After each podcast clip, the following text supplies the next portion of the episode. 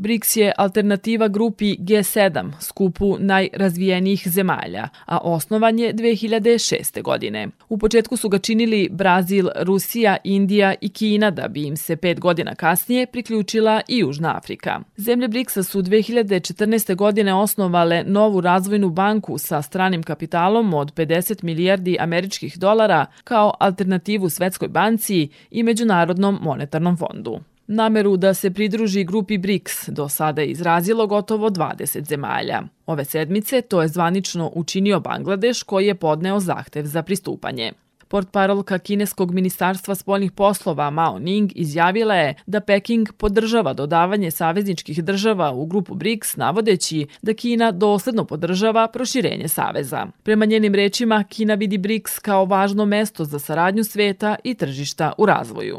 Zahtev za pridruživanje BRICS-u ovog meseca podneo je i Egipat, što je potvrdio ruski ambasador u Kairu Georgi Borisenko. Egipat je podneo zahtev za ulazak u grupu BRICS jer je jedna od inicijativa za koju se BRICS trenutno angažuje potpuno prenošenje trgovine na alternativne valute ili nacionalne ili neke nove zajedničke valute koja bi se formirala. Egipat je veoma zainteresovan za to. Egipat pokazuje veliku želju da razvija trgovinsku i druge vidove ekonomske saradnje sa Rusijom. U toku je proces izgradnje novih mehanizama za međusobne transakcije u trgovini. I južnoafrička šefica diplomatije na Lady Pandor nedavno je potvrdila da za BRICS širom sveta postoji velika zainteresovanost. Na sastanku ministara spoljnih poslova BRICS-a održanom početkom ovog meseca istakla je da je vizija grupe da obezbedi lidere u svetu podeljenom geopolitičkom tenzijom, nejednakošću i globalnom nesigurnošću. O proširenju BRICS-a biće reči na samitu koji će u avgustu biti održan u Johannesburgu u Južnoj Africi, jer ta zemlja trenutno predsedava BRICS-u. Tema samita biće BRICS i Afrika, partnerstvo za uzajamni ubrzan rast, održiv razvoj i inkluzivni multilateralizam. Od 22. do 24. avgusta razgovarat će se i o uspostavljanju zajedničke valute tog bloka. Francuski predsednik Emmanuel Macron zamolio je predsednika Južnoafričke republike Cyrila Ramafosu da mu dozvoli da učestvuje na samitu BRICS-a u avgustu, piše list Opinion pozivajući se na izvore. List navodi da se Ramafosa iznenadio Macronovom molbom i da za sada nema potvrde da država planira učešće međunarodnih lidera.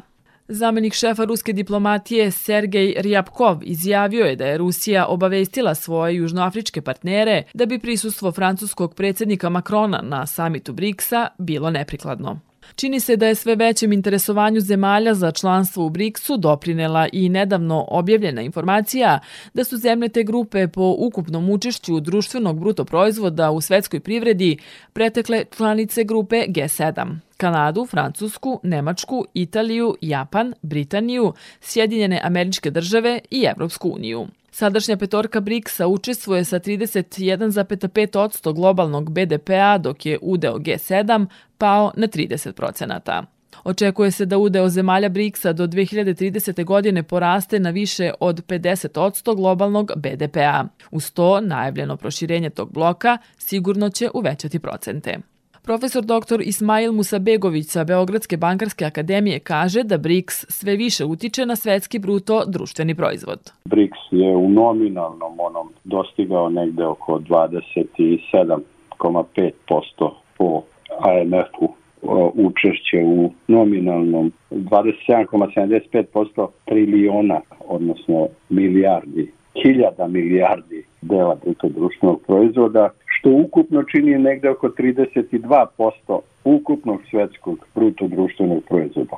U isto vreme Amerika je negde na nivou oko 15,3, a ta grupa koja je oko Amerike, najuža koja se zove G7, je negde oko 29. Tako da vidi se da rast bruto društvenog proizvoda i učešća u bruto društvenom proizvodu cele planete BRICS značajno raste trend koji će se nastaviti i ja očekujem da će on već za koju godinu preći 35% učešća.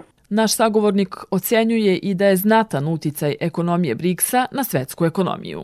Vrlo značajan i stalni je trend rasta uticaja BRICS-a i to je ja mislim, nezaustavljiv trend. Ima tu sad nekih ovaj situacija gde da bi vi kao grupacija imali veći uticaj morate se organizovati drugačije i morate imati institucije. BRICS je već 2000 i, uh, ja mislim, šeste kad je nastao, već 2018. je e, napravio e, novu razvojnu banku koja je sedište u Šangaju i njen kapital je početni oko 100 milijardi dolara. Sad tu imate proces dedolarizacije koji je takođe već početkom ovog veka započeo i oni takođe proces koji traje, to znači da se uloga Amerike i taj, ne kažemo, hegemonistički osjećaj i stav smanjuje. Smanjuje se uticaj Amerike na globalnu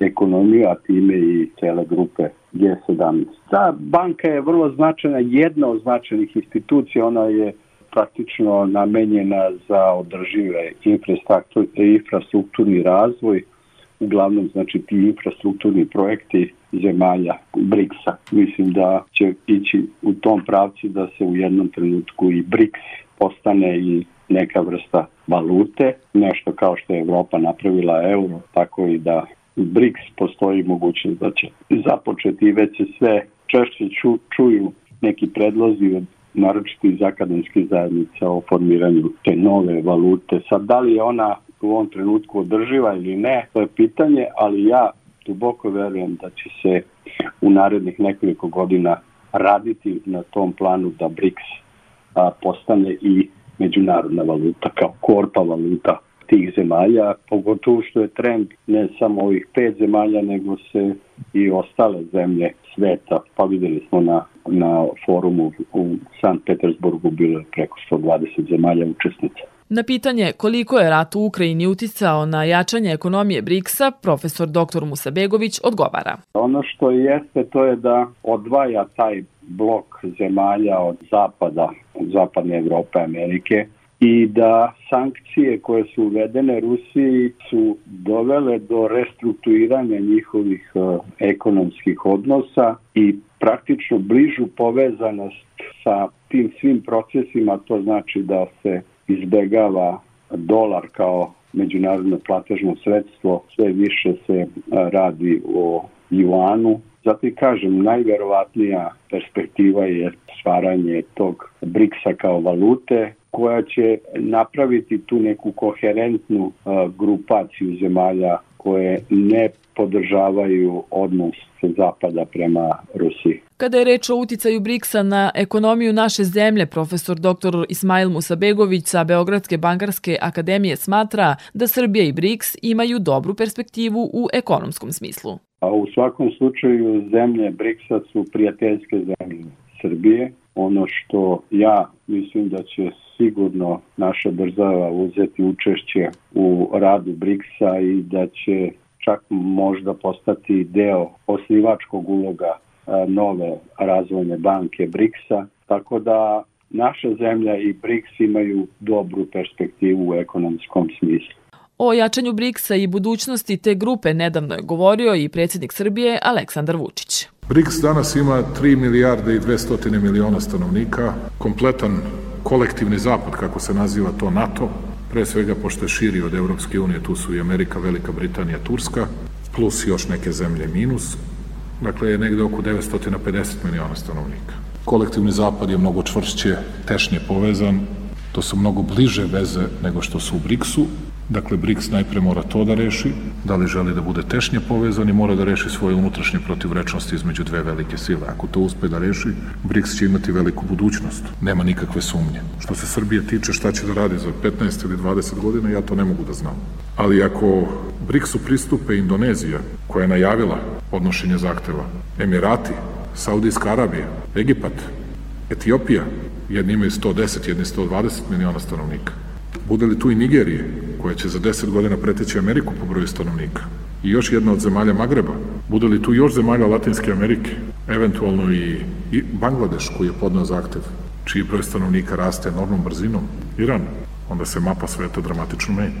U to nema nikakve sumnje. To što danas nama ne izgleda tako, za 20 godina će izgledati potpuno drugačije. U istorijskom smislu, za tih 20 godina stvari će stajati sasvim drugačije. I u ekonomskom smislu ne samo u smislu svetske populacije, jer oni danas sa 42,9% svetske populacije imaju 31, nešto posto svetskog BDP-a. Unutar samog BRICS-a dominira kineska privreda koja čini 17,6 odsto globalnog BDP-a. Iza nje je Indija sa 7 odsto, sledi Rusija sa 3,1, Brazil sa 2,4 odsto i Južna Afrika sa 0,6 odsto svetskog BDP-a.